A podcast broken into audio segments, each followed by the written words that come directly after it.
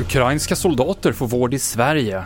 USB-C blir laddarstandard i EU och Doggybag-krav i Spanien handlar om i TV4-nyheterna.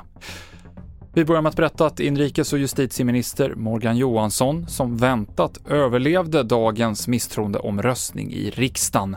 Men det var med minsta möjliga marginal och han går knappast starkt ur det här, säger vår politiska kommentator Ann Tiberg. Eh, det är inte så att det finns ett starkt förtroende för justitieministern i den här kammaren utan eh, det är bara under 100, jag tror det var 97 som röstade eh, emot att visa misstroende och resten avstod.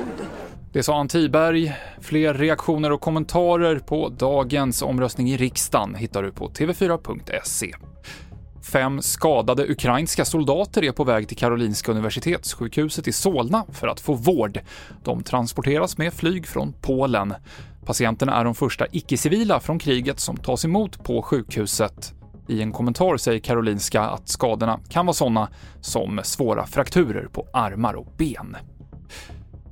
Hösten 2024 så ska samma laddare kunna användas till alla mobiler, läsplattor och kameror som säljs i EU efter en överenskommelse inom unionen.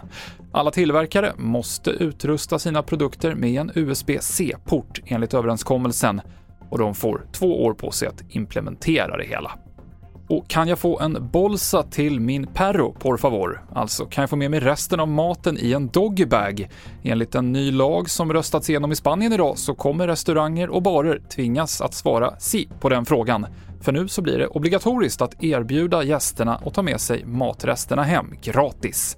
Det här är en av åtgärderna som görs för att minska matsvinnet i Spanien. Du hittar senaste nytt i vår app TV4 Nyheterna. Jag heter Mikael Klintevall.